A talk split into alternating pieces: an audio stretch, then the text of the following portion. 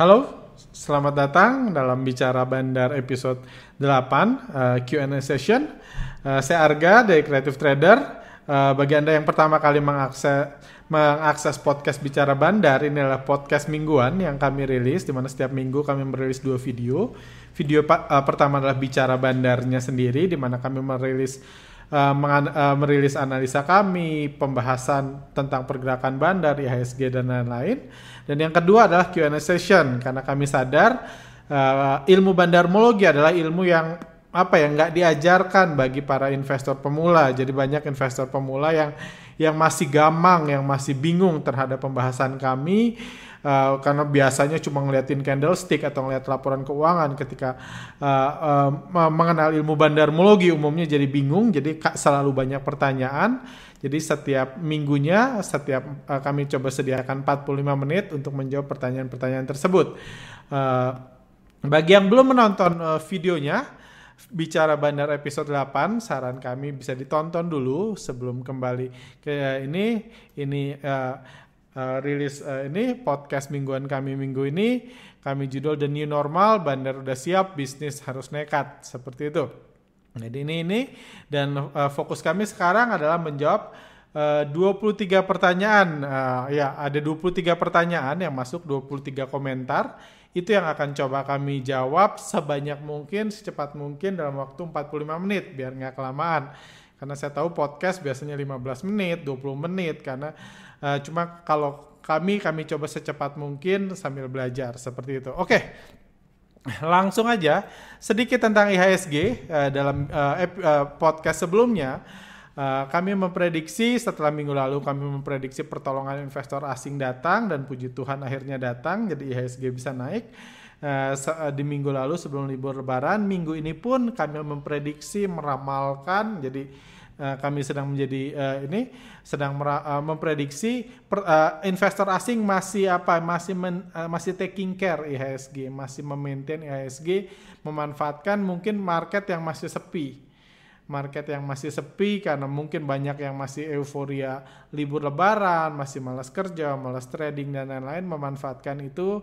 Saya rasa investor asing yang tentunya umumnya nggak liburan uh, akan menggunakan itu untuk kembali memarkup IHSG walaupun semua itu nggak merubah apa-apa, kondisinya masih tren besarnya masih seperti kita lihat investor asing masih terus turun masih terus jualan dan masih terus mencoba mengurangi portfolionya di Indonesia dan kar karena krisis COVID-19 pun masih masih sangat jauh dari kejelasan.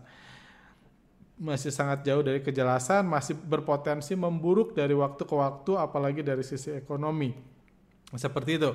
Juga uh, dalam video ini uh, jadi uh, itu yang ini oh ya video ini juga kami akan membahas mengenai beberapa saham-saham yang banyak di request dari ini. Ah, dari apa uh, sorry dari dari kolom komentar ada beberapa saham ada BCA BO ya kita akan bahas banyak BRI banyak banget pertanyaan tentang BRI yang masuk. Akan kami jawab juga uh, beberapa pertanyaan yang menurut kami menarik seperti itu. Uh, selanjutnya juga ada uh, kami akan bahas Unilever. Banyak yang jawab minta Unilever, MNCN, ada yang minta MDLN, Uh, dan beberapa saham lain kita lihat waktu yang tersisa. Nanti uh, ini timernya ini setelah timernya bunyi saya akan berhenti menjawab pertanyaannya. Jadi setelah 45 menit saya akan coba berhenti uh, seperti itu. Jadi uh, saya akan kebut aja. Langsung ke pertanyaan pertama. Uh, sorry. Uh, Oke, okay, ini dulu. Kalau asingnya markup di HSG habis lebaran, sementara market juga lagi sepi karena banyak yang masih liburan, lalu kira-kira apa lagi alasan asing untuk melakukan aksi markup lanjutan? Apa mungkin mereka malah ikut libur juga karena market masih sepi? Uh, karena kalau market sepi bisa saja asing cuma lempar-lempar barang aja tanpa bisa melanjutkan aksi distribusi. Sementara aksi markup untuk membangun optimisme retail ke kelihatan sudah cukup sudah cukup baik beberapa hari terakhir kemarin uh, uh, beberapa hari terakhir kemarin di saham BBR dan kawan-kawan. Pertanyaan dari Pak Akmal bagus banget. Nah, jadi justru itu, justru karena kami memprediksi belum tentu ya, belum tentu market akan sepi. Siapa tahu trader-trader tiba-tiba rajin mulai besok udah rajin trading itu bisa aja karena bukan saya yang mutusin market sepi atau enggak, bukan asing juga. Itu retail sendiri. Cuman karena kami memprediksi masih sepi, jadi memarkup itu mudah karena di mana-mana uh, ya benar mungkin benar asing cuma lempar-lemparan dia ke temennya oper lagi ke dia oper lagi ke temennya dan itu bisa naikin harga.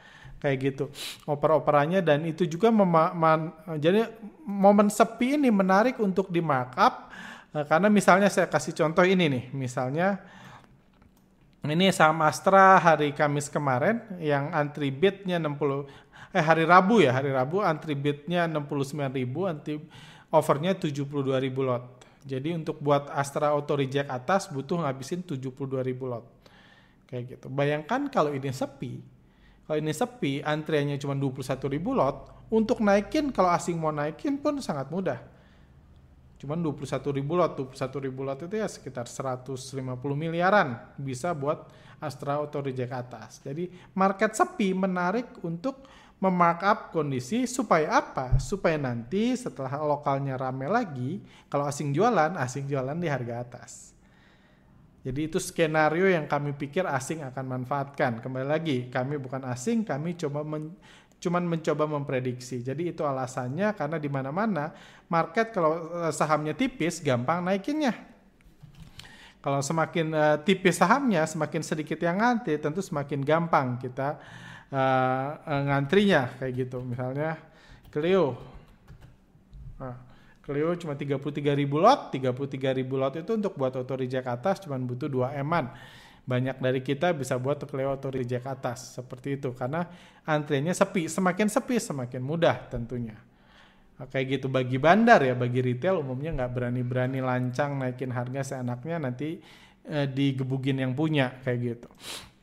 Seperti itu Uh, pertanyaan lainnya, Mas Arga, terima kasih edukasinya. Saya mau tanya, uh, saya mau tanya, apakah mungkin jika asing membeli saham lewat emiten uh, em, uh, emiten lewat broker lokal sehingga tidak terlacak di foreign transaction? Wah ini uh, mungkin ini masih baru tentang uh, memahami tentang foreign flow. Jadi foreign flow itu nggak ada urusannya sama broker, mau broker lokal atau broker asing selama yang punyanya F itu adalah foreign flow.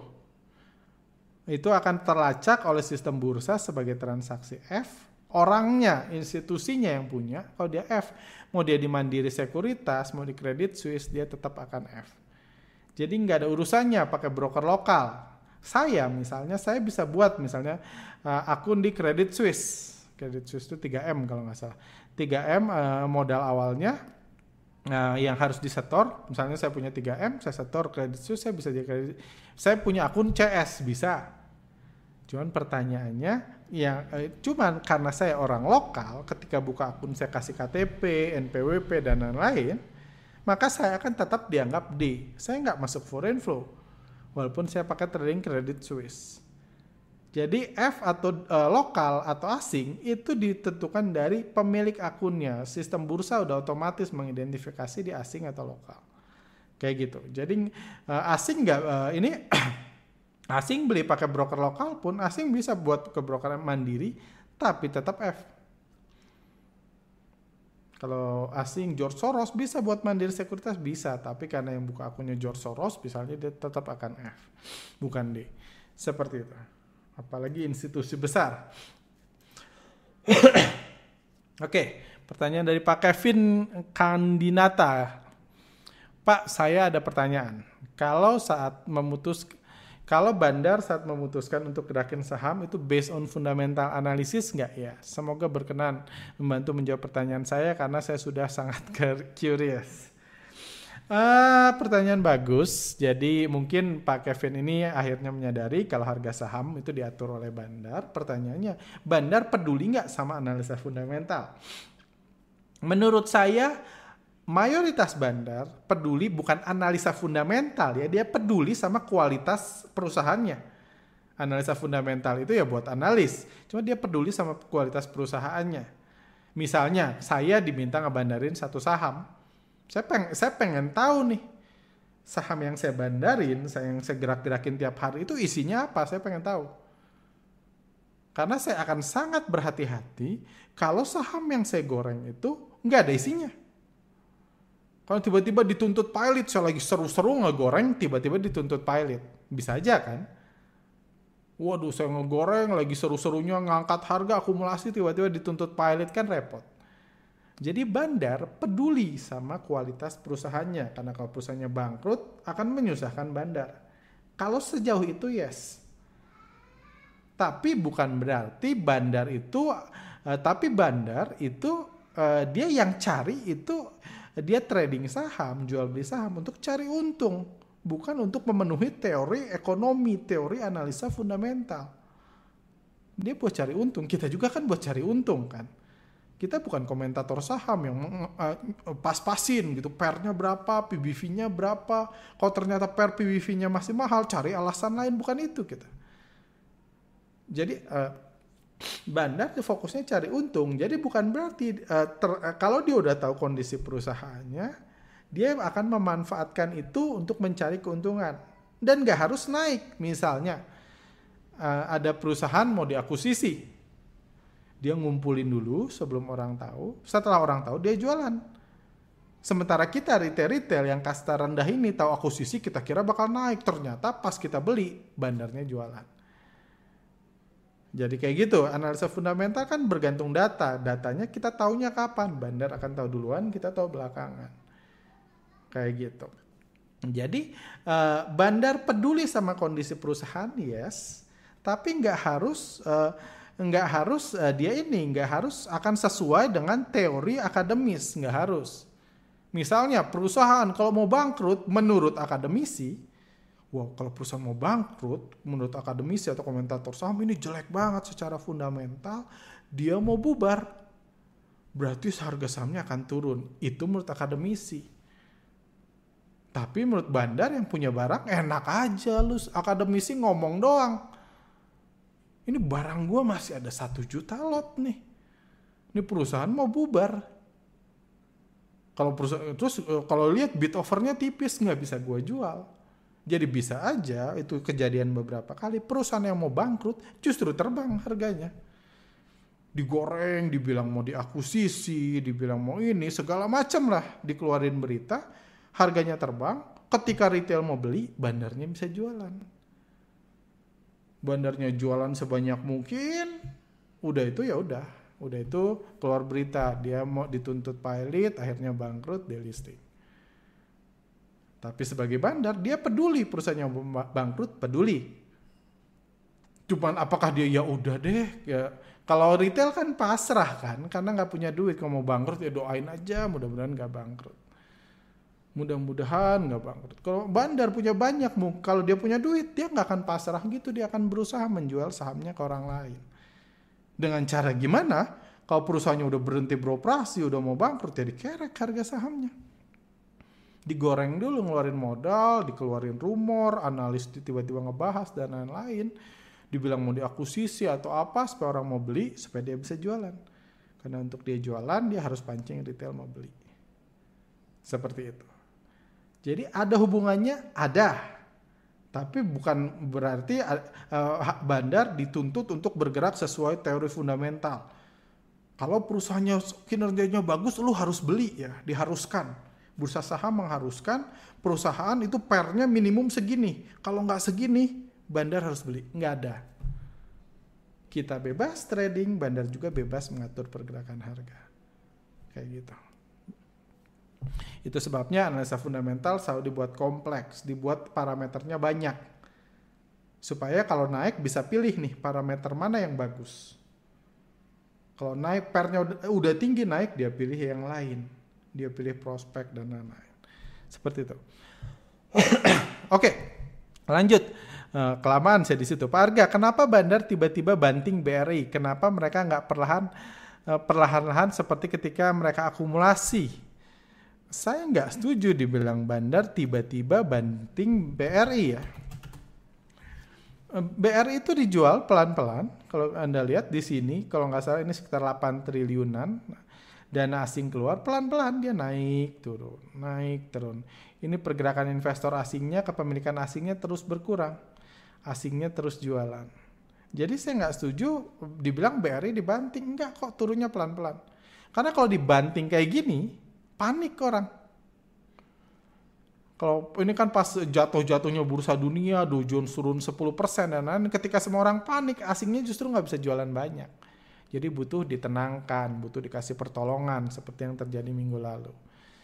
Butuh ada pertolongan, butuh di markup supaya uh, lokalnya pede lagi, yakin lagi, baru asingnya jualan. Turunnya pelan-pelan kok. Saya yakin kalau angka ini masuk, jumlah yang sama ini masuk, IHSG udah buat new high-nya. Kayak gitu. Eh bukan IHSG, BBRI udah buat new high-nya kalau 8 triliun yang sama atau 10 triliun yang sama yang dilepas dari awal tahun ini, itu dibeliin lagi, saya yakin BBRI buat new high-nya. Cuman kenapa nggak dibeli, kenapa jual ya? Mereka pengen jualan aja, itu hak mereka sebagai bandarnya BBRI. Seperti itu. Jadi saya nggak yakin uh, itu nggak uh, saya saya rasa pelan-pelan banget BBRI nggak ada bantingan-bantingan. Ini memang market dunia semua lagi panik jatuh, udah itu dia tenangkan baru dia jualan lebih banyak lagi. Oke. Okay. Apakah bandar asing bisa beli dikit-dikit melalui lokal? Kalau broker lokal tadi udah jawab agar nggak ketahuan lagi ngeborong dan apakah hasil hasil pembelian via lokal bisa ditransfer ke sekuritas asing? Kembali lagi, kalau konsepnya sekuritas, transfer antar sekuritas bisa. Saya bisa, misalnya saya punya banyak, uh, saya, saya punya banyak akun ini nih, saya punya banyak akun sekuritas saya punya misalnya di PD, saya punya di YP, saya punya di OD dan lain-lain lah. Anggaplah saya beli di Dana Reksa. Saya beli di Dana Reksa, saya bisa jual barang yang saya beli, saya transfer barang saya ke uh, Mirai, ke YP, bisa. Tinggal saya telepon, pindahin dong. Saya beli 1000 lot nih di Dana Reksa, saya nggak mau jual pakai Dana Reksa biar nggak ketahuan, saya jualnya pakai YP jadi yang dibeli pakai OD nggak pernah dijual sama OD lagi, dijualnya sama YP. Itu biasa dilakukan bandar, investor retail pun bisa. Cuman kembali lagi, karena saya orang lokal, di mana pun saya buka akun, mau di Dana Reksa, di Mirai, di Credit Suisse, saya tetap D.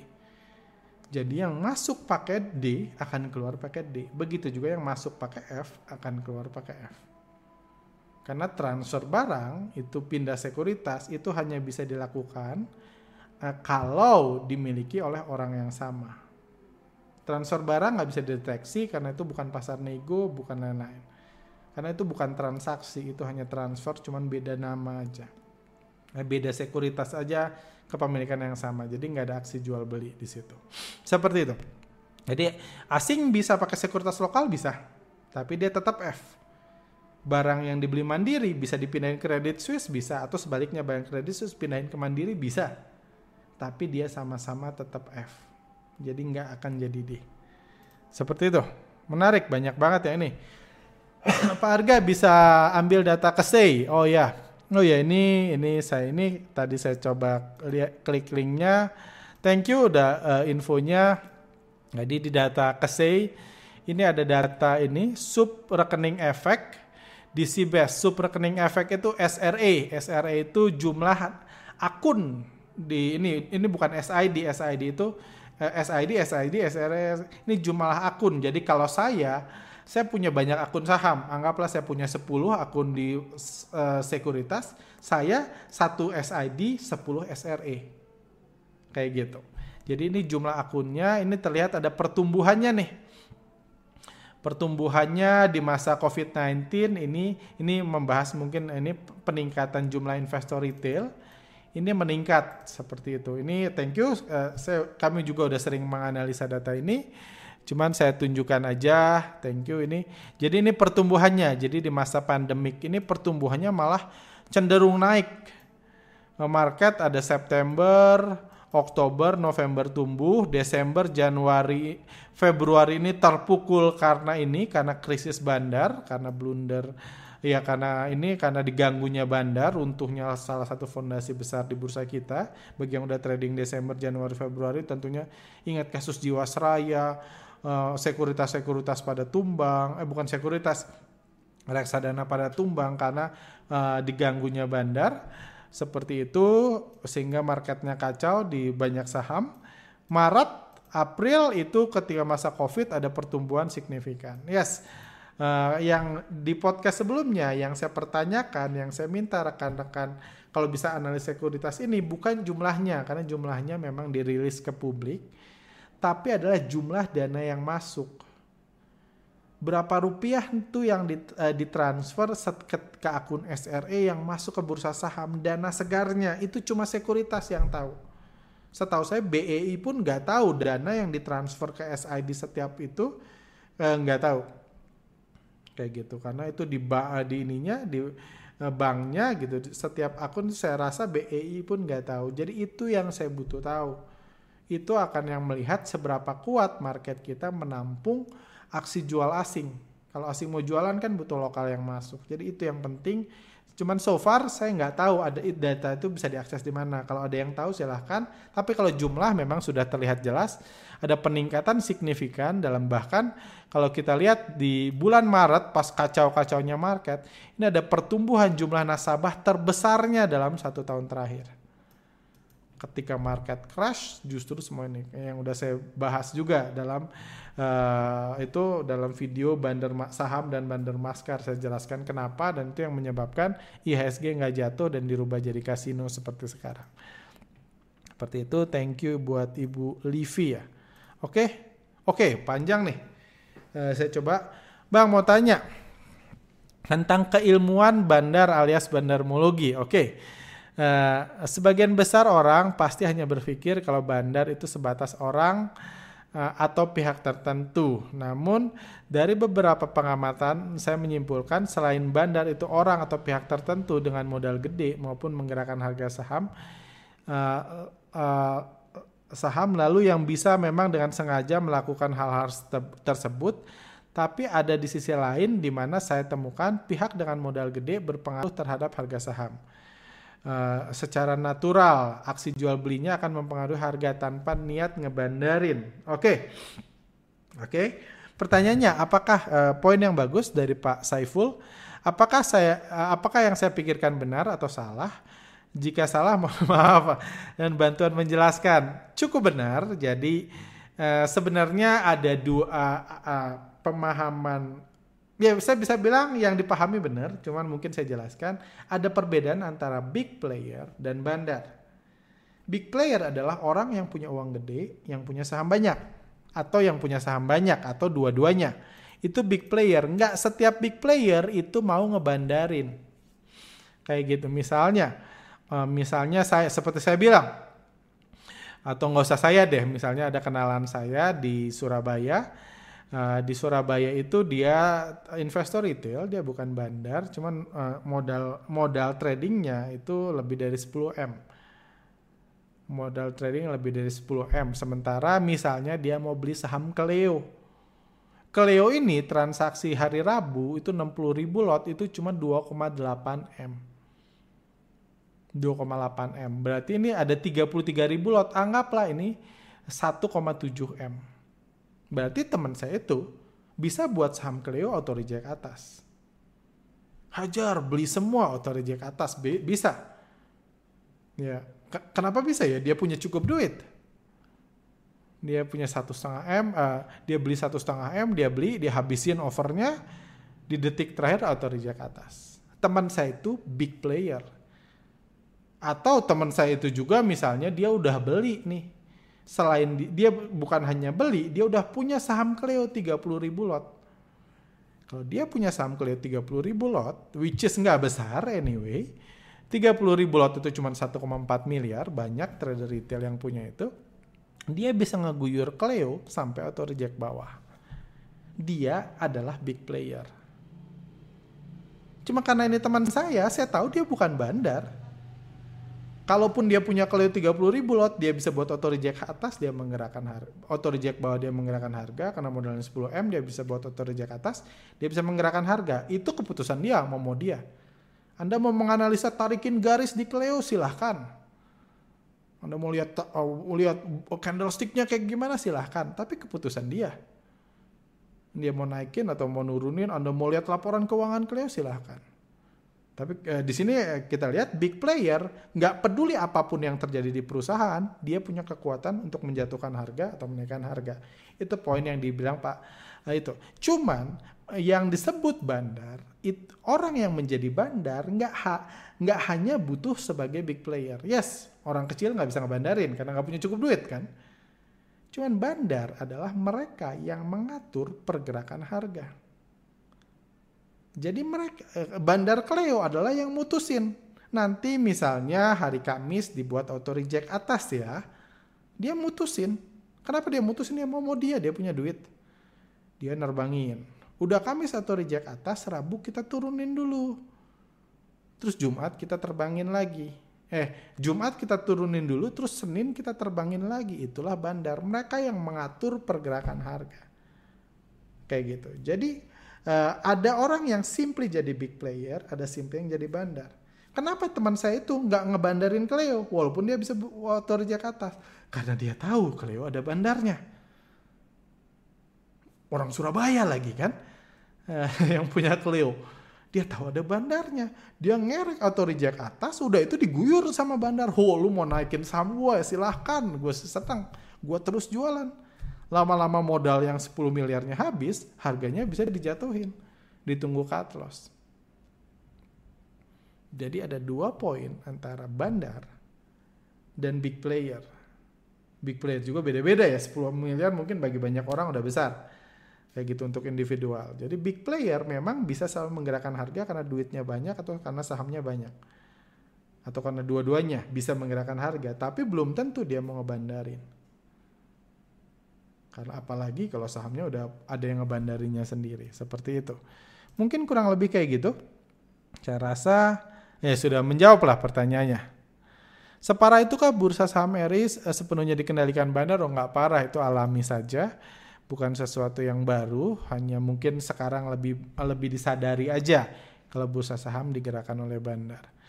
Atau mungkin Bapak siapa ini baru tahu aja, selalu seperti itu kok. Uh, dan bukan cuma saham seperti saya sering bahas, bukan cuma saham digerakin bandar. Kayak gitu.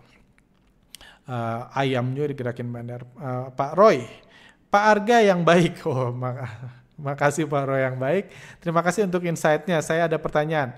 Berandai-andai bila semua retail memiliki pandangan tentang bandarmologi serempak, menggunakan taktik yang sama, follow the fish, follow the big fish, apa yang apa yang kira-kira terjadi di dunia saham? Apa yang asing dapat lakukan untuk dapat cuan. Hmm, ini mustahil terjadi kalau menurut saya. Saya sudah ngulik di sini hampir 12 tahunan gitu di dunia bandarmologi. Saya rasa mustahil terjadi. Ini ada banyak penyebabnya, cuma terlalu panjang saya karena pertama edukasinya aja di bursa saham selalu diedukasi dari fundamental dan teknikal. Mungkin kalau nggak ada iseng, nggak pengen belajar, nggak akan pernah tahu bandarmologi sampai mungkin akhirnya bangkrut atau ini nggak tahu mungkin banyak uh, investor udah bangkrut dulu tanpa pernah tahu bandarmologi karena memang nggak diedukasi ke situ. Kedua, kalau misalnya anggaplah uh, saya jadi viral ini seperti itu, uh, pertama uh, apa ya? Hmm, gimana jelasinnya? Uh, pertama, kalau semua orang misalnya nggak usah gitu deh, uh, lebih sederhananya semua orang jadi follower saya, dan saya ngasih tahu ketika asing beli, semua orang trading kayak saya. Ketika asing beli, kita beli. Ketika asing jual, kita jual. Dan semua orang investor di Indonesia ada satu jutaan, semua ngikutin saya. Gak usah deh semua tahu bandarmologi, semua ngikutin saya. Karena kadang-kadang orang salah uh, salah tafsir atau punya strategi, semua ngikutin saya. Pas asing mau beli, kita beli. Masalahnya kalau asing mau beli, dan semua dan semua orang ngikutin saya yang saya juga mau beli siapa yang jual? Jadi nggak ada transaksi nggak ada pergerakan harga. Jadi offernya tiba-tiba hilang gitu kan? Terus saya lihat wah asingnya beli nih gitu. Misalnya asing beli ASI asing mulai makanin nih yang 352 lot mulai dimakanin.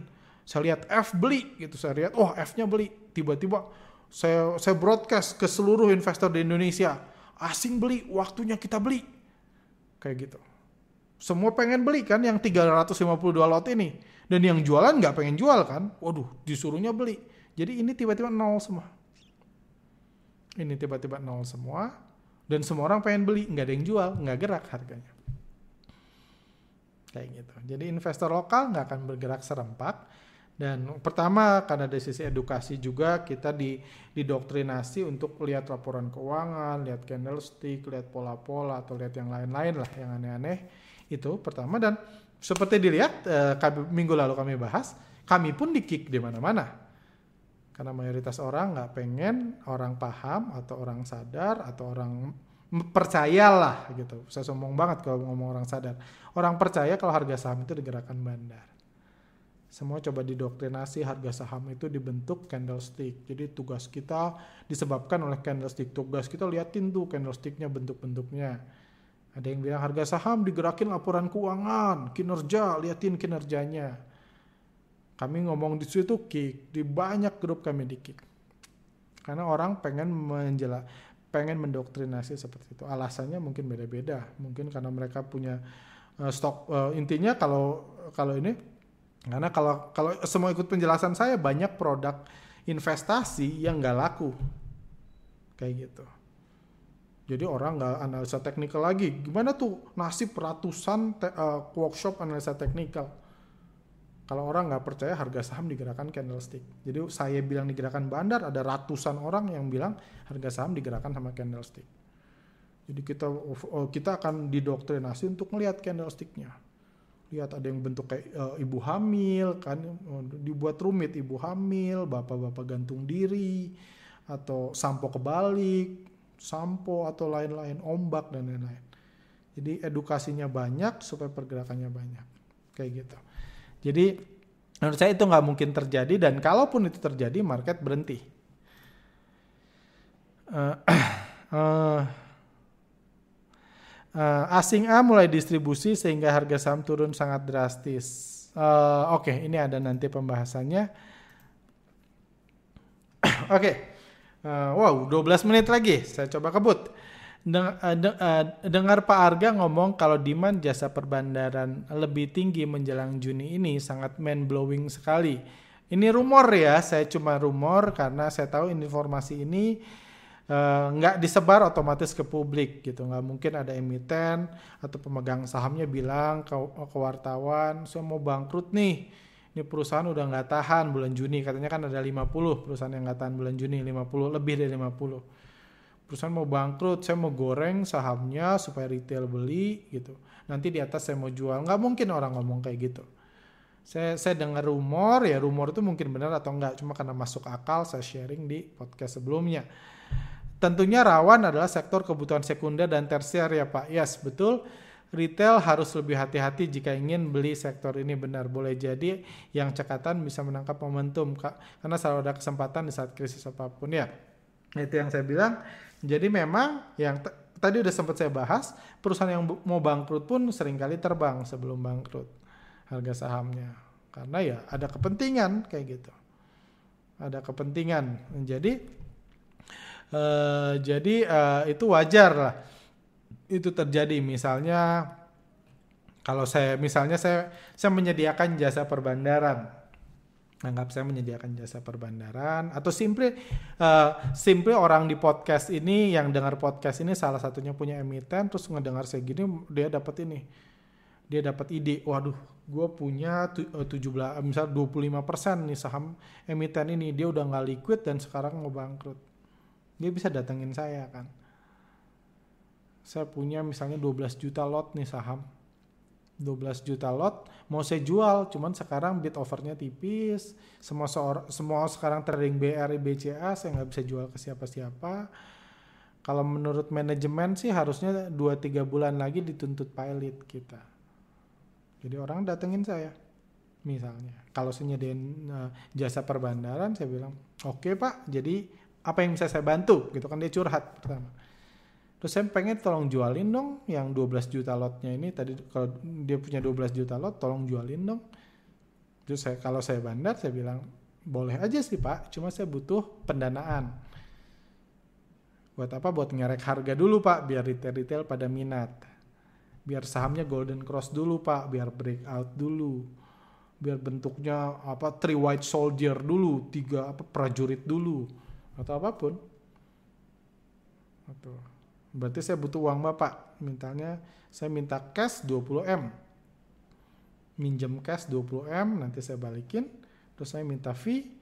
Setiap lot yang terjual saya minta 15% setiap rupiah yang Bapak dapat dari penjualan 12 juta lot itu saya minta 15%. Kayak gitu.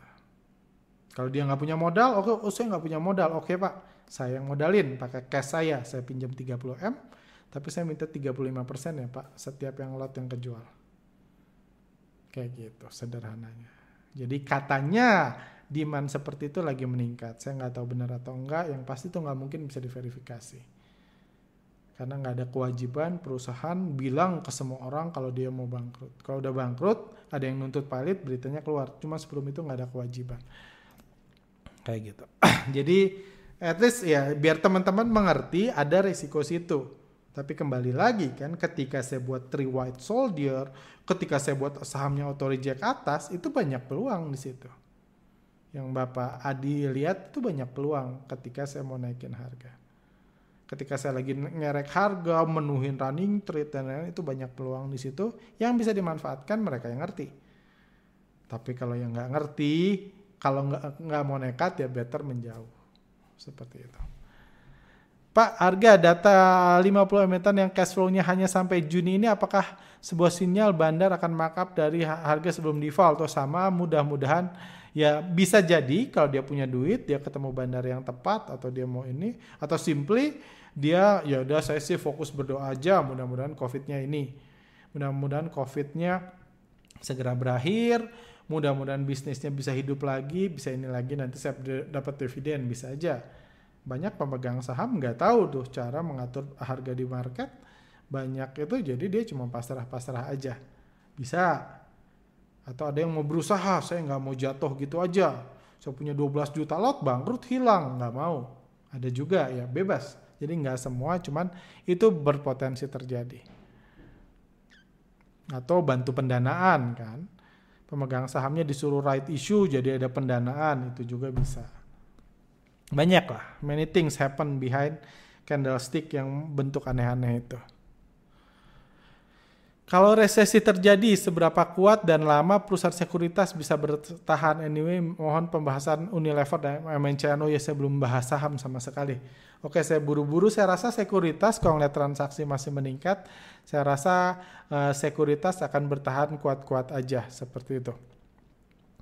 Jadi menurut saya akan lebih banyak emiten yang terancam daripada sekuritas retail yang terancam. Kalau ngeliat patternnya, apalagi dalam masa lockdown ini bursa saham justru jadi menarik. Oke. Pak Arga bilang minggu lalu beli saham BRI, tapi kenapa eh, Pak Arga tidak nunjukin screen cap atau foto bukti portfolio Bapak supaya orang-orang percaya? Uh, uh, saya nggak butuh Anda percaya. Maksudnya saya nggak ada niat untuk uh, nunjukin portfolio buat Anda percaya atau uh, gimana ya? Ya itu bukan style saya. Kalau anda nggak percaya pun nggak apa-apa. Uh, which is no problem karena uh, pada akhirnya kalau untung saya ngerasain kalau rugi saya ngerasain gitu. Bahkan uh, saya saya saya cerita BRI itu bukan mau nyombong. Saya saya setelah baca ini saya dengar lagi saya cerita BRI itu untuk nunjukin poinnya bisa didengar di podcast sebelumnya kenapa saya cerita saya beli untuk nunjukin bahwa saya beli dan jual saya nggak peduli nasib orang lain. Saya bilang bandar pun kayak gitu, asing pun kayak gitu. Gitu. Kita cuma ngelihat sudut pandang kita. Karena banyak yang menganggap asing pengen mencelakakan retail, bukan. Asing pengen untung, sama kayak saya pengen untung. Ketika saya beli BRI, mungkin saya beli dari lokal yang cut loss, cuma saya nggak mikir itu ya saya beli aja saya lihat opportunity. Udah itu harganya dikerek asing saya jual profit taking. Mungkin yang beli dari saya kalau kalau Rabu turun mudah-mudahan masih naik jadi dia bisa untung. Cuma yang beli dari saya mungkin udah itu ini cut loss lagi. Cuma saya nggak mikir mereka saya hanya fokus saya. Jadi poinnya itu cuman saya sendiri nggak ini apa ya nggak ngelihat ada urgensi atau ada keinginan untuk menunjukkan portfolio saya Kenapa banyak yang nunjukin? Umumnya karena mereka pengen jualan. Eh, pengen jualan. Jadi kita tahu salah satu bisnis yang menarik itu adalah bisnis men-trigger orang untuk dia pengen cepat kaya. Atau membuat orang percaya kalau ikut gua lu cepat kaya. Itu bisnis yang menarik. Which is nggak salah. Ya namanya bisnis nggak salah. Cuman, uh, uh, cuman saya agak idealis. Saya rasa uh, orang ya, kalau terjun ke market dengan keinginan cepat kaya, biasanya cepat bangkrut.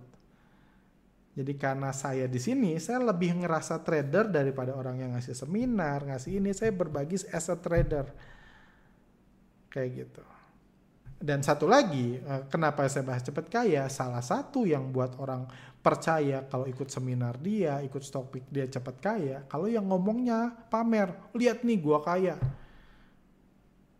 jadi dia minjem Mercy siapa, harus buat podcast di dalam Mercy sambil nyetir. Kalau kayak gitu. Buat podcast dalam Mercy atau keluar negeri bukan buat jalan-jalan, buat podcast.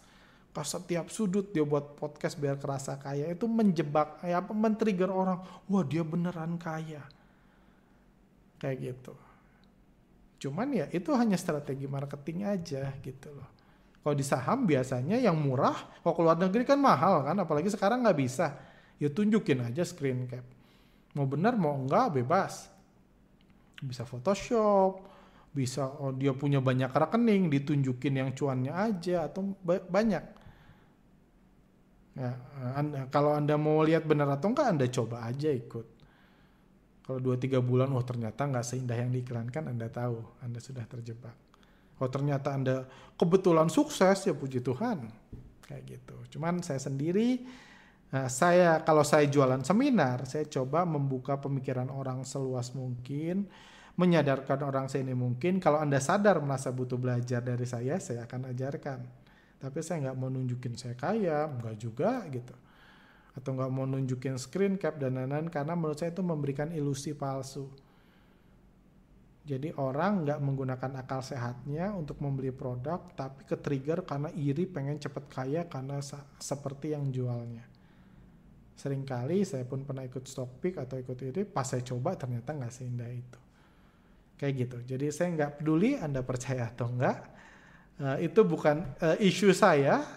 Uh, itu mungkin ke depannya pun saya akan mengurangi bilang saham yang saya beli apa ini supaya nggak men-trigger apa-apa Intinya saya coba sharing yang saya tahu.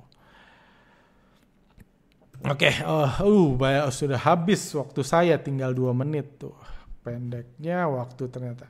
Meningkatnya transaksi YP karena ada program kompetisi championship. Oh ini, oh ini membahas transaksi YP. Oh bukan, ini program hadiah total 200 juta di YP itu saya di podcast minggu sebelumnya saya tunjukkan ini transaksi YP bulan Maret dan April dia naik 40% naik sebanyak 22 triliun transaksi YP.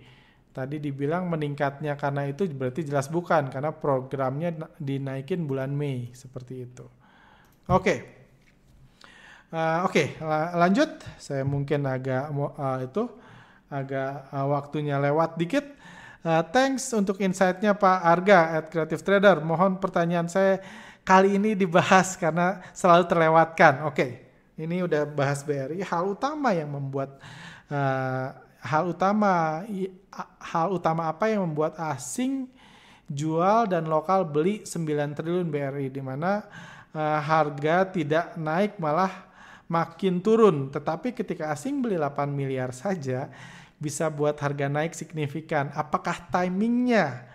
Bagaimana jika retail bisa beli saham tersebut 8 miliar sekaligus dalam waktu yang sama? Apakah bisa menaikkan harga saham itu juga? Nah, wah ini pertanyaan bagus banget. Uh, pertanyaan bagus banget.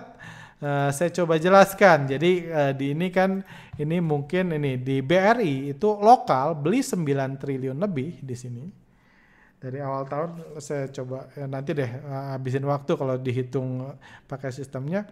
Di sini lokal beli 9 triliun harga nggak naik. Tapi pagi-pagi kemarin saya bahas pagi-pagi asing beli 8 miliar harga BRI naik 8 persen. Kenapa sih lokal sosial itu? Padahal belinya 9 T loh.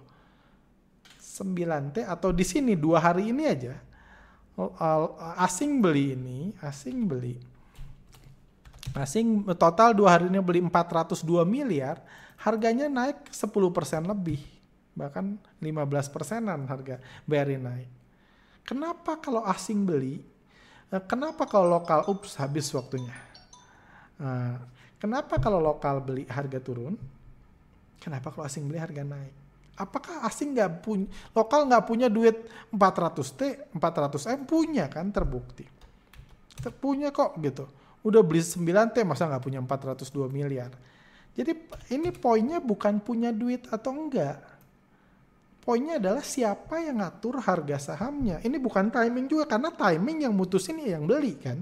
Yang mutusin timing naik ya asing. Pagi-pagi dia mutusin beli ya naik yang mutusin beli mereka kok. Jadi bukan timing tentunya. Yang timing itu diputuskan sama yang ngatur harga. Bukan sama kita tarik-tarik garis gitu. Kita tarik garis di sini bisa nggak naik-naik kan? Tarik garis di sini bisa nggak naik-naik, tapi tarik garis di sini tiba-tiba dinaikin karena asingnya naikin.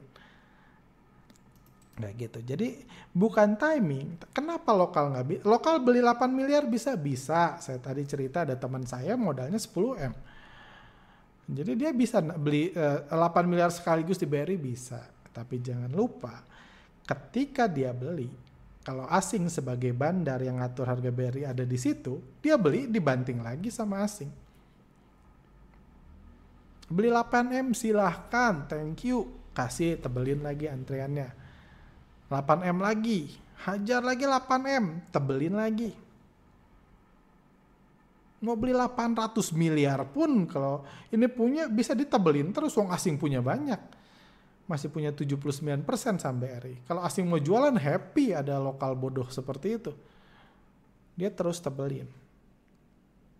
Apa bedanya kalau asing ngumpulin? Asing pertama, lokal di sini udah frustasi semua, udah depres semua, udah pengen cut loss semua. Dan yang jumlah yang pengen cut loss ini yang beli udah ketakutan. Jadi ini Terus ketika dia naikin harga ya dia nggak tebelin lah, wong dia sendiri. Dia nggak nebelin di over. Karena dia yang ngatur harga BRI itu bergerak sesuai keputusan dia. Kayak gitu. Jadi itu yang membedakan. Lokal beli tambah banyak, tambah happy, asingnya terus aja tebelin antriannya. Sementara asing beli, lokal nebelin. Enggak, lokal kan udah nyangkut. Ya satu dua bisalah nebelin yang beruntung atau yang ngikutin asingnya beli pagi-pagi jual bisa lah nebelin. Cuman berapa lot sih yang saya jual?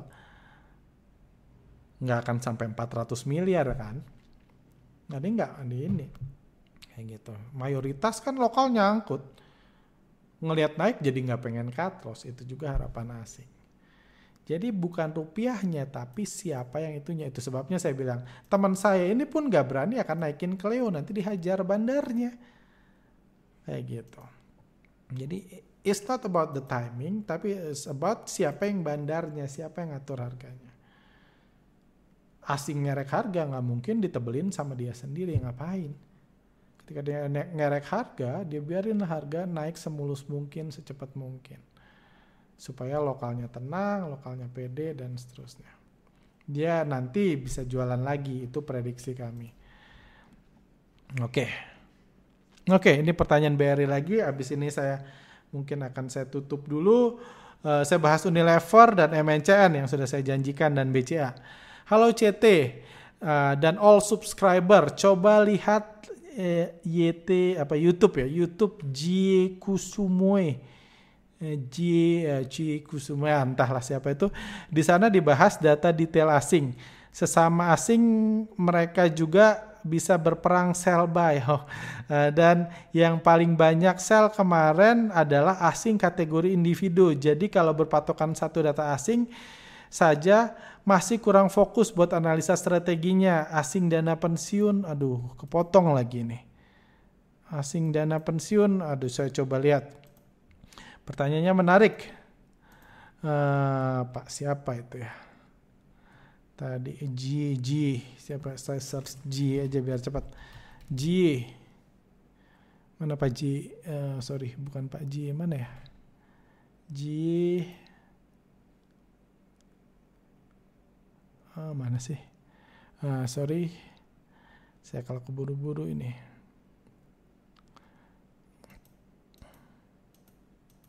Waduh banyak ya Jiku JK.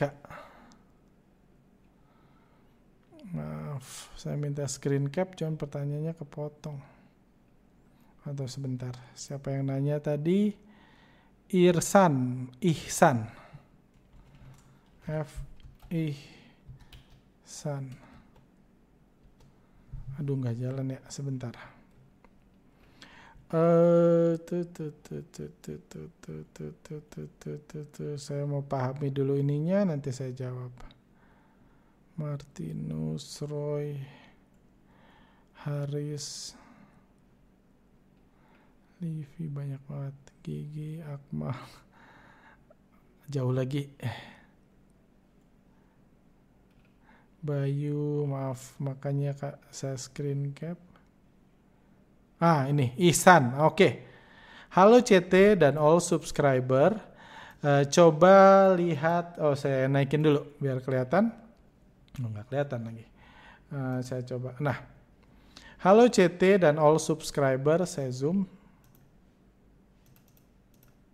Nah, karena pertanyaannya sangat edukatif. Thank you. Halo CT dan all subscriber.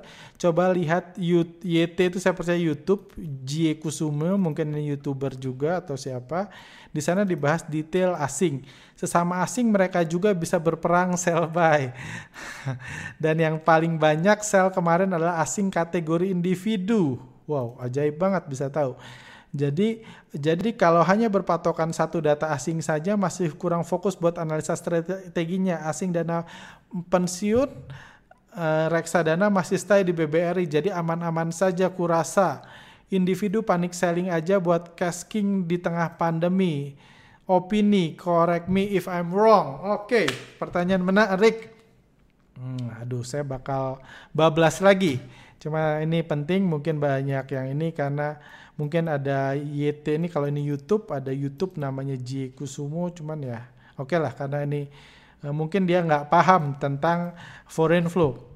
Nah pertama saya ini karena ngomong data saya coba lihat datanya dulu sesama asing yang paling banyak sell kemarin adalah asing kategori individu. Pertama uh, dalam video sebelumnya video mana ini oh video ini yang mungkin mungkin Pak J itu uh, membahas ini tentang uh, artikel kami di mana uh, BBRI dibeli oleh investor uh, retail.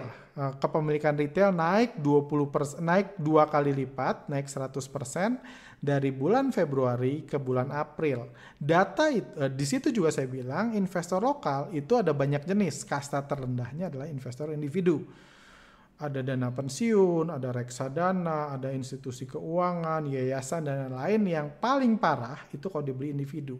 Dan ketika mayoritas BBRI jatuh yang beli adalah individu alias retail. Artinya apa? Memang seperti dibilang lokal itu nggak cuma satu, nggak cuma satu. Jadi benar lokal nggak cuma satu, asing pun nggak cuma satu. Saya nggak pernah bilang asing itu satu orang bule yang seenaknya nge ngegerak bule seorang di kantornya gitu seenaknya ngegerakin BBRI saya nggak pernah bilang kayak gitu. Asing pun di, dipecah berbagai kategori. Terus di sini dibilang yang sel kemarin adalah asing kategori individu. Ini cukup dipertanyakan karena kami udah ngulik data ini data harian itu nggak ada. Data ini dimiliki KSE dirilis akhir bulan. Mungkin bisa dicek lagi mungkin bisa ditonton lagi YouTube-nya Pak Ji Kusumo ini uh, atau lihat sendiri di Kese karena kami juga uh, kalau karena kalau ada harusnya Kese kasih tahu ke kami kalau ada data harian. Kemungkinan data yang dibilang ini data yang sama kayak kami itu data akhir bulan April. Kami pun nggak tahu yang jual kemarin individu atau institusi. Itu pertama. Jadi cuman kalau kita lihat yang jual reksadana uh, pensiun, dana pensiun dan reksadana masih di BRI ya kita lihat aja di sistem foreign flow-nya. Nah, jadi kemar uh, BBRI ini BBRI MF. Ini langsung aja lihat di sistemnya bisa di cross check ke data KSE. Jadi ini yang merah di atas ini itu kepemilikan investor retail itu ada 78 persen. Eh, investor asing total di BRI itu 78,73 persen. Kayak gitu. Kepemilikan asing ini dipecah. Dipecah ya individu. Oh, saya coba mudah-mudahan kelihatan di sini. Yang warna orange paling bawah ini adalah investor individu yang totalnya 0,09 persen. Jadi investor individual bule itu cuma punya 0,09 persen dari BBRI di akhir April. Tadi dia bilang yang jualan di bulan April di bulan Maret itu BBRI. Hmm, kayak gitu. Reksadana, oh dibilang dana pensiun dan reksadana masih punya, yes. Reksadana masih punya 30,9 persen. Hmm, coba Uh, saya coba pakai ini, mudah-mudahan bisa kelihatan. Oke, okay, nah uh, ini uh, individu 0,9, reksadana 30, dana pensiun 10. Oke. Okay. Uh, jadi oke, okay, sampai situ aja. Jadi uh, jadi ini datanya. Jadi uh, jadi oke okay, dari data yang dikatakan dibilang uh, yang sel kemarin di kategori individu nanti kita lihat dibandingin bulan Maret Uh, uh, apa dana pensiun dan reksadana masih stay di BBRI? Iya, betul. Betul banget masih stay, masih stay 30%, masih stay 10%. Saya juga nggak bilang dana dana asing di BBRI habis. Di video itu pun saya bilang ini ini saham itu masih dikuasai asing. Tadi pun saya bilang asing masih ngebandarin saham ini. Asing masih ngebandarin uh, saham ini kayak gitu. Uh, jadi memang memang kepemilikan asing masih banyak dan banyak kategori kayak gitu. Cuman uh, uh, uh, jadi masih banyak benar. Cuman kita lihat apakah yang jualnya individu.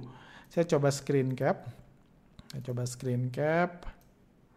Kita lihat apakah individu jual. Saya mundurin ke data bulan Maret. Ke data sebulan sebelumnya.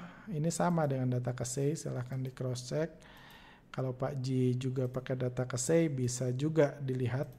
Uh, kemungkinan sama, cuma nanti habis ini mungkin saya coba search kalau memang YT itu YouTube. Jadi ini datanya sekarang. Nah, saya screen cap lagi, ini data bulan Maret. Uh, saya screen cap. Jadi ini data bulan Maret, ini data bulan April.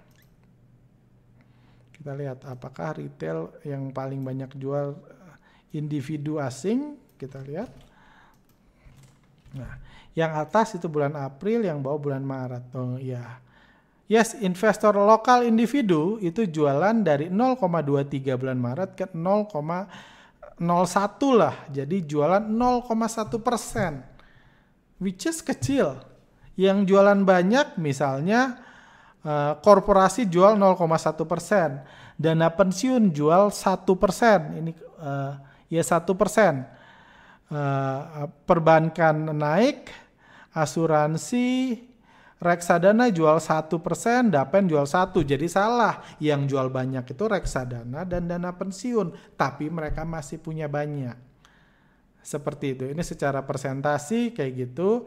Uh, jadi uh, ini datanya bisa di cross check lagi data bulan April dan bulan Mei di data KSEI. Saya nggak tahu Pak Ji itu punya sistem foreign flow atau enggak. Cuma data yang kalau nggak punya pun bisa lihat di KSEI. Anda akan melihat presentasi yang sama. Jadi yang jual banyak itu perbankan, eh yang jual banyak itu dapen, yang jual banyak itu uh, corporate, uh, uh, individu jualan juga benar Cuma dari 0,23 ke 0,1 lah atau 0 ini jualan 0,1 persen, 0,12 persen which is kecil. Banyak ini. Kayak gitu. Satu itu jadi mungkin saya nggak sepakat dengan data yang ditanyakan dengan data yang ditunjukkan. Saya kalau dia punya memang data harian, mungkin punya bocoran, mungkin silahkan mungkin minggu depan bisa kita bahas lagi pertanyaan dari itu tadi. Kayak gitu. Uh, oh, uh, selanjutnya adalah dibilang asing itu bukan satu. Asing memang bukan satu orang. Tapi mereka semua bergerak satu tujuan. Kenapa? Mereka bukan orang bodoh yang mau saling timpuk sekaligus ditimpuk lokal. Mereka bergerak satu tujuan, makanya kompak. Tapi satu tujuan itu bukan berarti dia cuma beli doang, nggak ada yang jual. Bukan gitu. Kalau dia beli doang, dia nggak bisa nurunin harga. Dia nggak bisa ngatur harga kalau dia cuma beli doang. Harus ada yang beli, harus ada yang jual. Kayak gitu kan? Kayak kemarin dua minggu, dua hari lalu asingnya beli kok.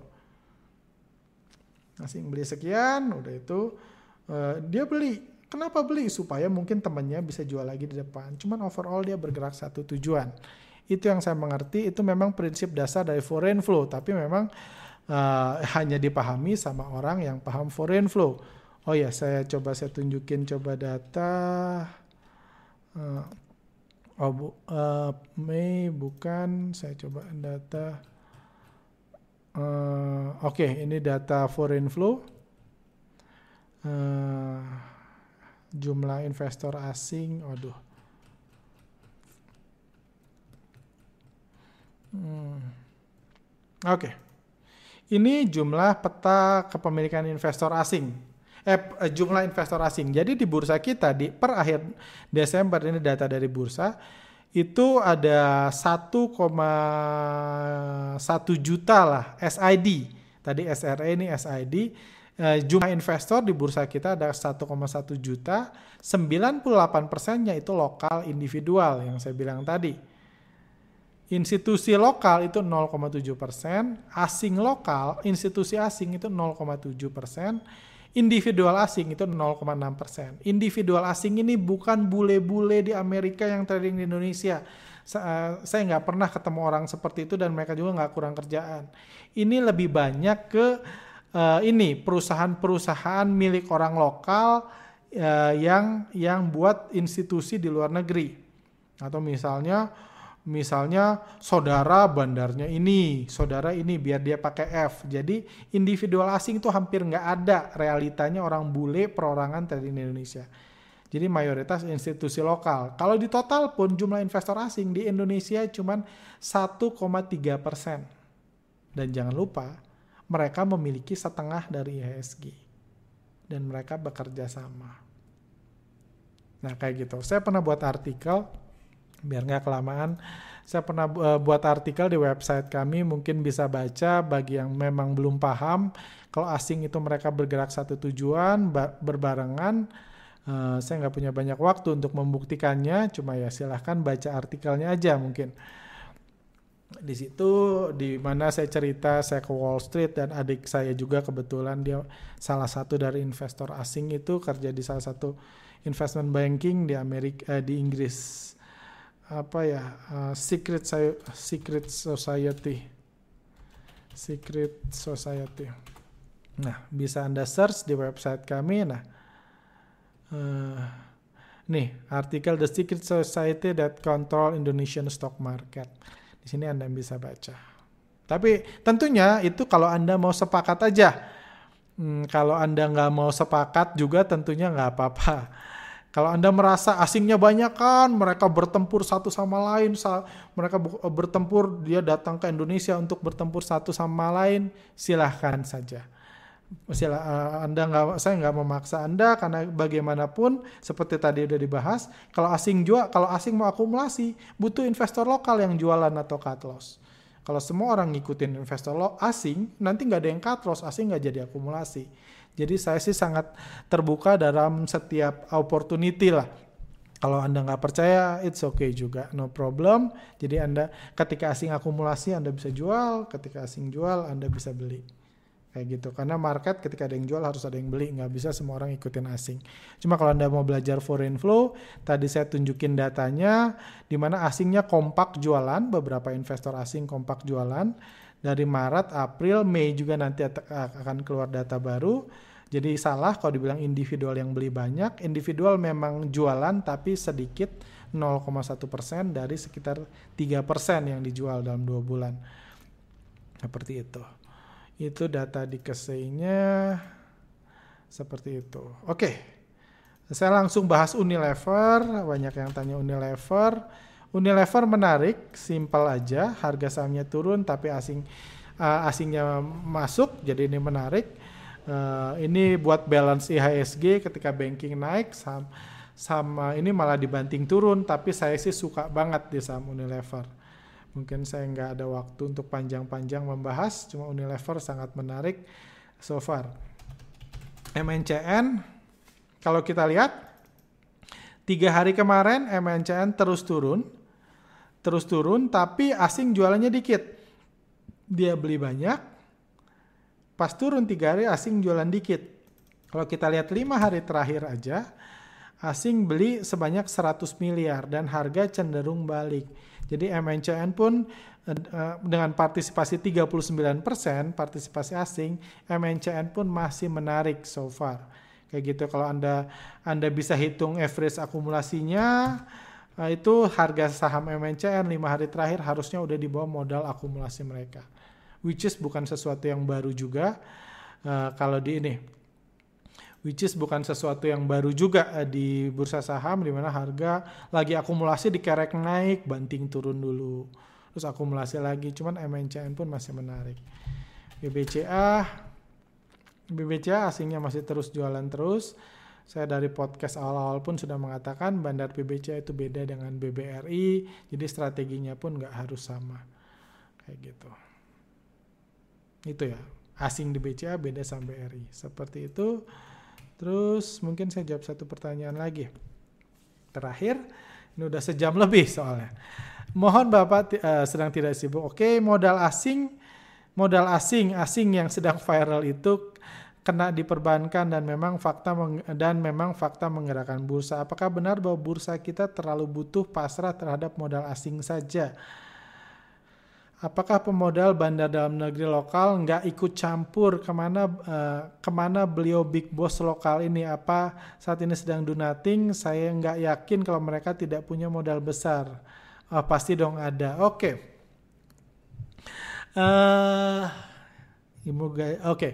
jadi ini terakhir aja. Jadi saya nggak bilang uh, jadi kita bisa harus membedakan antara IHSG dan bursa lokal. Bursa lokal itu terdiri dari banyak 600 sahaman lebih. Dari 600 saham ini paling yang diatur pergerakannya sama asing paling paling banyak itu 100 nggak sampai. Mungkin paling banyak 90 sahaman yang diatur pergerakannya sama bandar asing. Bandar lokal mengendalikan 85 persennya jadi mana bandar lokal ngurusin saham yang 85%? Dia punya kepentingan sendiri, dia mungkin bakal nerbangin harga kalau perusahaannya mau palit atau ini dia punya kepentingan sendiri, dia punya urusannya sendiri.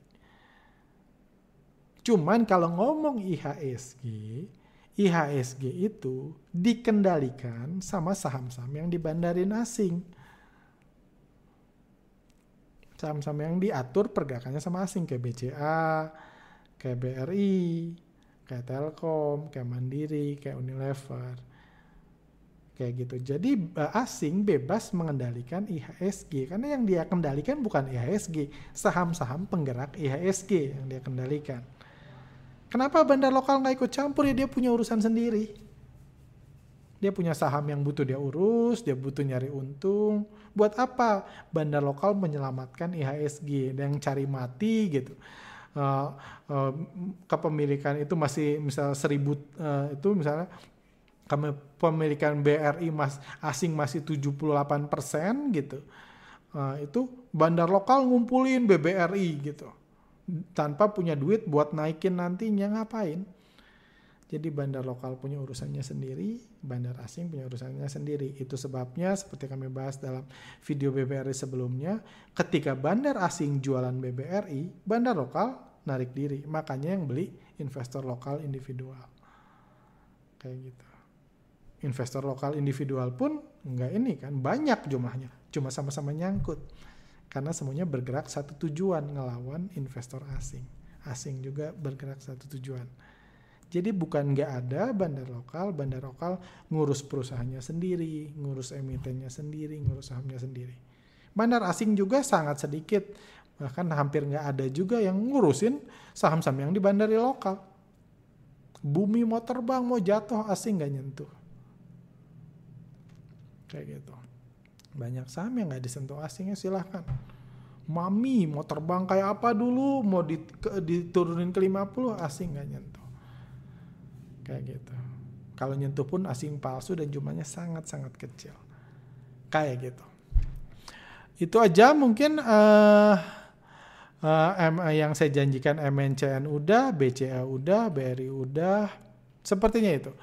Uh, Unilever udah juga. So far Unilever dan MNCN saya masih sangat menarik. BCA saya masih prefer karena asingnya masih jualan dan BCA ini minat belinya lebih tinggi, kepercayaan investor lokal terhadap BRI lebih tinggi, jadi eh, tentunya asingnya masih bisa terus jualan. Seperti itu. Oke, mudah-mudahan bermanfaat. Lebih lagi ya dari 45 menit, cuman saya senang banget bisa menjawab pertanyaan-pertanyaan kritis seperti yang diberikan Bapak-bapak, Ibu-ibu sekalian. Oke, saya rasa untuk hari ini sampai itu. Mudah uh, sampai jumpa minggu depan. Thank you buat pertanyaannya. Kalau masih ada yang ditanyakan, bisa taruh di bawah atau di disimpan, dibuat uh, bicara bandar minggu setelahnya, minggu besok, minggu ke depan. Thank you. Sampai jumpa. Stay healthy, stay safe. Selamat Hari Raya sekali lagi buat rekan-rekan yang merayakan. Sampai jumpa di lain kesempatan.